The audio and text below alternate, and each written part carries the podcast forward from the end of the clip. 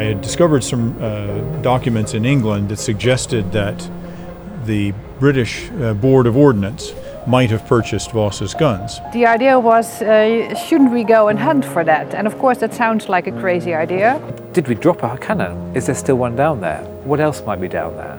I'm sure that this project also will unfold areas that until now we have not thought about. Finding the Vasa cannon is a joint Swedish, British, and Dutch project to trace Vasa's lost cannons. In this podcast, we'll get to know how it all started, meet the people behind it, and not least learn how the search will be carried out. This is the Vasa Museum podcast, and I'm Henrik Perella.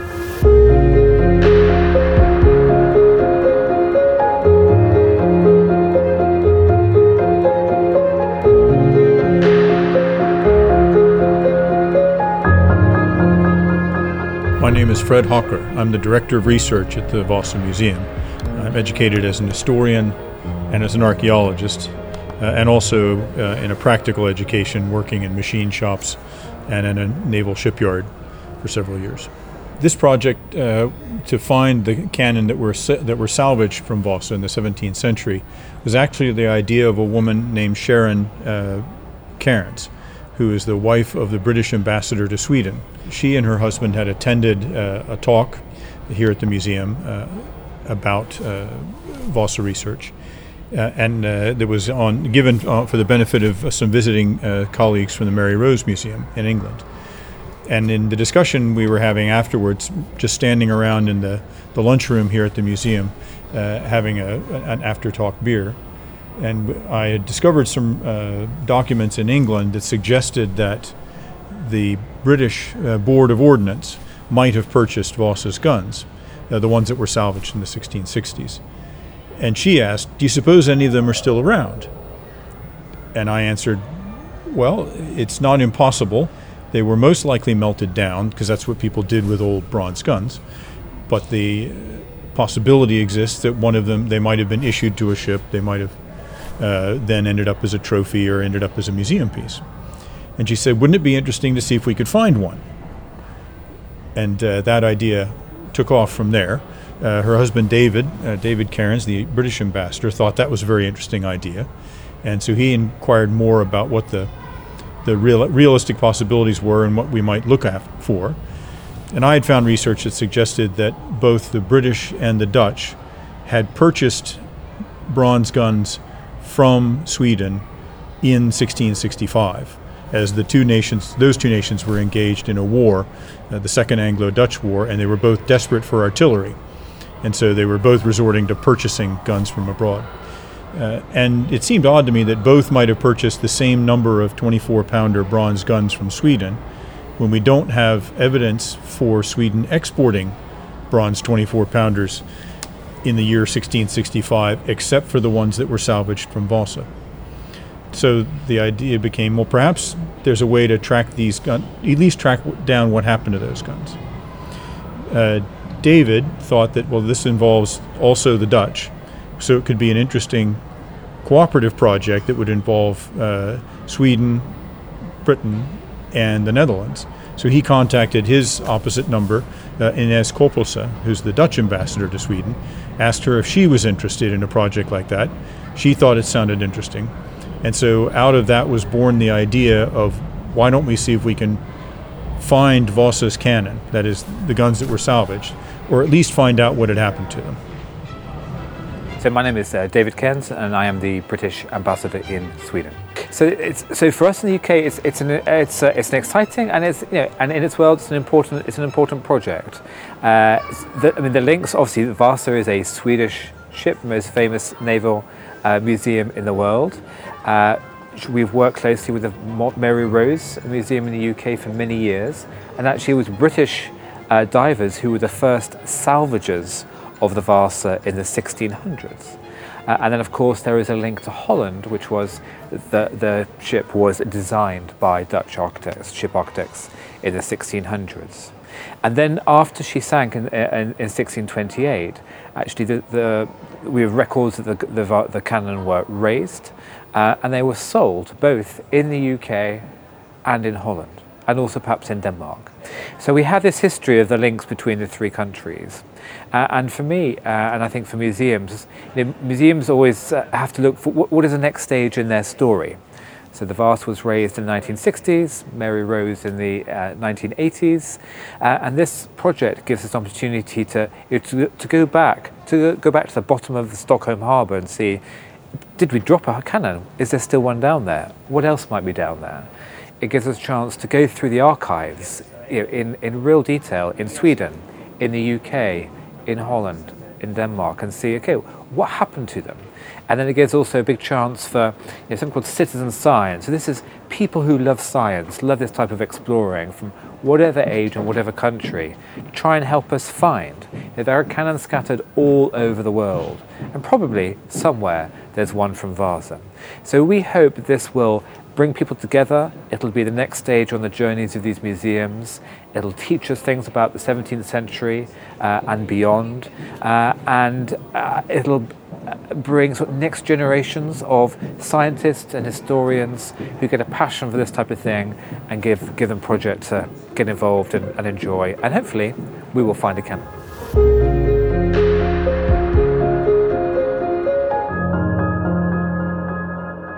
My name is Ines Coppoolse. I'm the ambassador of the Netherlands in Sweden since two and a half years. Um, it was actually starting with a with a sort of wild idea that was uh, explained to me first by my British colleague David Cairns, um, who had discussions with his wife and uh, Fred Hocker, who's head of research at Vasa, and they were discussing the possibility of uh, Vasa cannon still being out there in the, in the harbor. And the idea was, uh, shouldn't we go and hunt for that? And of course, that sounds like a crazy idea. But I'm a historian by background, and uh, knowing this museum and this, this, this fantastic ship, I thought, well, why not? Give it a thought you know? Uh, so i've been sleeping a night over it and, and, and actually straight away i was already enthusiastic because this could be something which leads to so much more than just the hunt for a missing uh, cannon. So that's why uh, i started being involved and really drawn into the idea and uh, it started on a small scale and slowly slowly it has been expanding because the idea of course is that you you attract uh, external partners uh, as well. And uh, you know it, it's it's not about two embassies working together with the Vasa Museum. This is this is really becoming something like uh, you know oil in the water. It's getting bigger and bigger and that's the way it should be.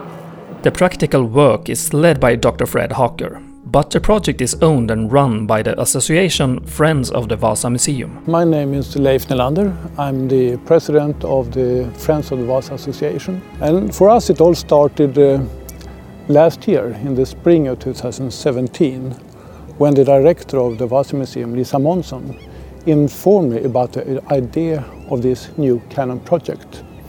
And she asked if we could take the lead for the project just as we have done with other projects that are not, so to say, mainstream museum business. Uh, so we discussed this in the board uh, and we were of course interested. It's a fantastic project. Uh, so everybody really wanted us to support the project. And we decided to do that uh, as a project owner and on a voluntary basis. Yeah, generally speaking, history is the key to understand the present and to plan for the future. And with this project, we will learn a lot about 17th century armaments trade and also about trade between Sweden, the Netherlands, the UK, and Denmark. And I'm sure that this project also will unfold areas that until now we have not thought about. So that's why it's important. The ship Vasa had 64 guns on board. Three of them are displayed at the Vasa Museum. So where did the other go? Fred Hocker tells us what we know so far. We know that uh, shortly before the ship sailed, the Swedish Board of Ordnance, Artilleriet it's called, uh, which kept very careful records of all of its materiel, uh, took an inventory of the material they had issued to Vasa. The Navy didn't own its own cannon. uh, or make its own ammunition. That belonged to uh, the artillery or the Board of Ordnance, which was technically a part of the Army. And so guns and ammunition were issued to ships and they were kept track of. And the inventory that survives for Vasa from 10 days before the ship sank says that there were 64 bronze guns on board of several different types. We know that uh, in the court records that uh, resulted from the two partners engaged in salvaging the guns in 1663 to 1665, that they reported various numbers having been recovered, uh, and that number is the maximum number they report is 59 guns were salvaged. Uh, several years later, in 1683, another entrepreneur came along, a man named Georg Libreton, and he succeeded in raising one more gun. So we have evidence for 60 guns, up to 60 guns being recovered from the ship. When the ship was found uh, in 1956, there were still three guns on board. That leaves one gun unaccounted for. Uh, but we know from the salvage records uh, from the court case, uh, which provides 700 pages of testimony about everything that happened in salvaging the guns, that a number of guns were dropped in the process of trying to lift them from the ship. Uh, and they had to go and try to find them again. And we know that they couldn't find all of the ones they dropped the find situation of one of the three guns we have left suggests strongly it was one of the guns that they dropped and couldn't find find again. Uh, and it's also possible that that 64th gun that's not accounted for in any of the historical records uh, is one of the ones that was dropped, and it might still be on the site because we don't have it. They didn't recover it, uh, and, and that would make the numbers work out. There's also uh, an inventory uh, from the spring, early summer of 1664 of the guns that had been raised up to that point. Uh, and that record accounts for all of the guns on the upper deck except for one three pounder uh, and a couple of little one pounders. And we also have a record of guns that were exported from Sweden by the partners after the salvage. They only exported 55 guns in total. So we know they raised at least that many. And they may have kept four or sold four here in Sweden, or something might have happened to those. Or they might have exported them separately. Um, it's only by a fluke that we have a, rec- a toll record or customs record. They exported those. So the way the math works out is we know 55 guns were exported by the partners. We can only account for 63 guns out of the 64 that were on board if we combine all the historical material. Uh, and we have documentary evidence from both England, the British Board of Ordnance, and the Dutch Admiralties that they both purchased bronze guns from Sweden in 1665 in order to build up their stocks. So that gives us a good starting point.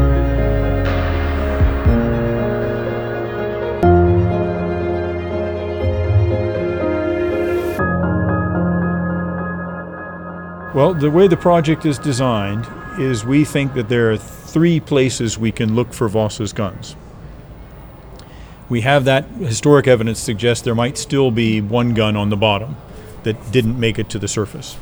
Uh, and if that's probably a three pounder, we know what a gun of that type would look like. It's about uh, 2 meters 65 to 2 meters 85 long, weighs about 400 kilograms because uh, they're similar guns from the same of the same type that survived from other wrecks. So one of the places to look is on the bottom in the vicinity of where the wreck lay to see if there is still a gun there. Uh, and it's entirely possible that there is, uh, and we have the right kind of technology to, to look for it. It is a little bit of a needle in a haystack because it's a relatively small object in a large amount of mud. But we think we can, if it's there, that we can find it. The second place to look is in uh, the archives. We have evidence that both uh, the British Admiral, the British Board of Ordnance and the Dutch Admiralties were buying guns from Sweden for the Second Anglo-Dutch War. But we don't yet know if they actually took delivery. What it, it looks suspiciously like uh, the entrepreneur who was in charge of the salvage, uh, a very shady character named Albrecht von Treileben, was attempting to and perhaps succeeded in selling some of the guns twice to two different customers who both needed them. Uh, and so that means if we could search through the Dutch and the British archives, we might find some indication of whether either one of them actually took delivery of any cannon from Sweden, and there might be enough information to see if they're Vasa's guns. We also know from uh, a letter that von Treileben wrote in the spring of 1666 that he was waiting in Germany for word from the King of Denmark, to whom he had also tried to sell some guns. We don't know which ones. So he was still a year later trying to unload some of the material that he'd recovered from Vasa. So we'd also need to search in the Danish archives to see if they actually purchased any guns, and if so, what happened to them. So that, uh, and that might give us some idea of what eventually happened. They could have been purchased and then melted down uh, because they weren't useful for an, uh, by that late date. They were an obsolete or older type of gun. They could have been issued uh, to a ship or to the army of either side, which case they might have seen use. If they were issued, they might then have been captured because ships from both sides were captured by the other side. So they could have changed hands. Um, they could have stayed in inventory and been uh, assigned to fortresses. One of the things you often did with older, obsolete guns uh, was rather than put them in the front line, you used them to uh, equip fortresses in the distant parts of your realm or empire. We know, for example, that uh, some years later, the British Board of Admiralty issued some Swedish 24 pounders that they had purchased at some point to a fortress up in Scotland. So that's another possibility for what happened. So the third place to look is all over the world, anywhere there's a bronze cannon, to see if any of Vasa's guns managed to survive into the 21st century. The odds on that, I think, are perhaps kind of low because bronze was a very valuable raw material. It was very expensive. Uh, and the primary value of Vasa's guns was in the raw metal in them rather than as as weapons. They were fairly obsolete. It was an experimental type of gun from the early 17th century that turned out to be a technological dead end, and most people abandoned guns of that type in favor of something else. But it was still might have been useful for a small warship that needed heavy firepower, or for you know, for equipping a fortress. So that gu- guns like that might have survived. They might have been trophies if the ship was captured or a gun was captured from the army. Uh, it might have been uh, acquired uh, by a collector, because there were already collectors of guns in the 17th century, that nobles used them to decorate their estates if they'd been military officers. And so another place to look is where there are collections or individual examples of bronze cannon. One of the people involved in the project, Ruth Rhynas Brown, who's a leading scholar of uh, artillery in Britain, uh, estimates that there may be as many as 10,000 bronze cannon from the 17th century still in existence around the world.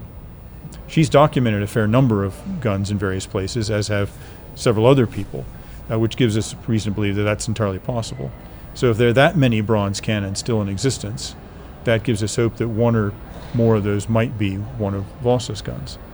So, to survey, to look, to, but to do that, we have to look at effectively the whole world and try to track down every bronze gun that's in a garden somewhere or in a museum collection and check if it's a Vasa gun.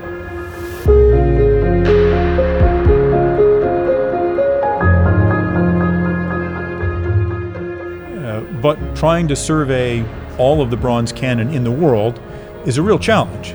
Um, nobody's ever tried to do that in a systematic way before. There are quite a few people who are, are interested in old cannon who have compiled catalogs of guns that they've seen, but nobody has visited every gun in the world. And so we we wondered about what might be the most effective way to do that. To a certain degree, we can compile other catalogs that other that people have already comp- managed to build up. But we thought it might be more interesting, uh, more of an adventure, and it would engage the public more if we involved our visitors in that search. Because we get over a million people a year who come to the Vasa Museum. If we could recruit even a small percentage of those people to get interested in this idea, And they visit other museums and they come from all over the world and simply ask them, give them a little bit of information. This is what a Vasa cannon looks like. And ask them when they go home or when they go on vacation to other places, keep an eye out for bronze cannon that look, might look like this. If you see one, take a picture and and get some information, whatever information is available there, and send it to us so that we can evaluate whether it might actually be a Vasa gun.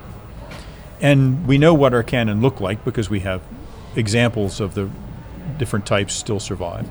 Uh, so we think it should be fairly straightforward to say yes or no about whether that's a possible Vasa gun. Um, and if it is, then we can we can make a field trip to document it in detail. But the fun of it is, it's a, it's it's like a treasure hunt.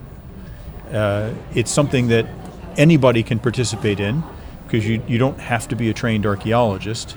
You just have to be observant and you have to be interested. Uh, the, the task is relatively straightforward. If you see a, a gun that might be a Vasa gun, take a picture, take a couple of measurements. Uh, and the thing is that we won't, in addition to possibly finding one of our guns, what we'll effectively do is catalog all of the surviving bronze guns in the world to a similar sort of standard, at least provide a basic catalog that other people can work with. It'll be a, a, a, a mine of data that will have application to a lot of different research questions, not just our one simple question of does a Vasa gun survive, but that would give people an idea of the range of material available that would let them use that data to investigate much bigger questions than one Vasa gun. What was the nature of the trade in artillery? Uh, arm, the development of the armaments industry, the development of the metals industry. Uh, how how did this commodity develop uh, as a as a source of uh, income for manufacturers, for merchants, that sort of thing? It'll tell us about, for example, the beginnings of the Swedish metals industry, which are which is behind a lot of the growth of the Swedish economy and Swedish industry, that eventually led to things like Scania trucks and Volvo automobiles and uh, ship, shipbuilding, uh, Sandvik steel, that sort of thing, all had their origins in the export of uh, metals and weaponry in the Middle Ages and the Renaissance from Sweden. Well, my, my hope is that um, uh, lots and lots of people will participate in the citizen science. So my, my hopes are not so much finding a cannon or finding uh, various cannon or uh, finding, uh, you know, an, an, unknown document or archive. That's all very exciting, but that's that's not what what my real hope. My real hope is that that this gets a lot of media exposure. That this is something really, really big and new and exciting and challenging, whereby a lot of people are uh, are involved uh, where the private sector can play a role uh, as well, uh, where, where schools can, uh, can play a role. And in the end, of course, uh, I hope this leads to even more visitors for the not just the Vasa Museum, which already gets a lot of visits, visitors, but also to the Mary Rose uh, in, in, in the UK and the Scheepvaartmuseum in, in Amsterdam. If, if, if, if that can be achieved, then I'm more than happy the end date actually has been the subject of as much debate as the start date within the project. But the initial idea, which David Cairns, the British ambassador, had, was that this year, uh, 2018, it's 390 years since the ship sank. And so, in a few years, we're, we're going to be beginning the very large uh, project of recognizing and celebrating the 400th anniversary of the story of Vasa. Uh, and that can start in 2024, the 400th anniversary of signing the contract to build the ship, uh, and then will reach its its peak uh, in August of 2028, which will be the 400th anniversary of the sinking. And so we would like to be able to deliver all the final reports on this project by the 400th anniversary of the sinking in 2028. It's a long-term vision, so we have, but we have 10 years starting now. During the summer 2018, a first sonar search will be done to see if there is in fact a cannon left in Stockholm harbour. By that, the project is in full swing and we will continue to report on the progress. You have listened to the Vasa Museum podcast about finding Vasa's lost cannons. I am Henrik Perelle.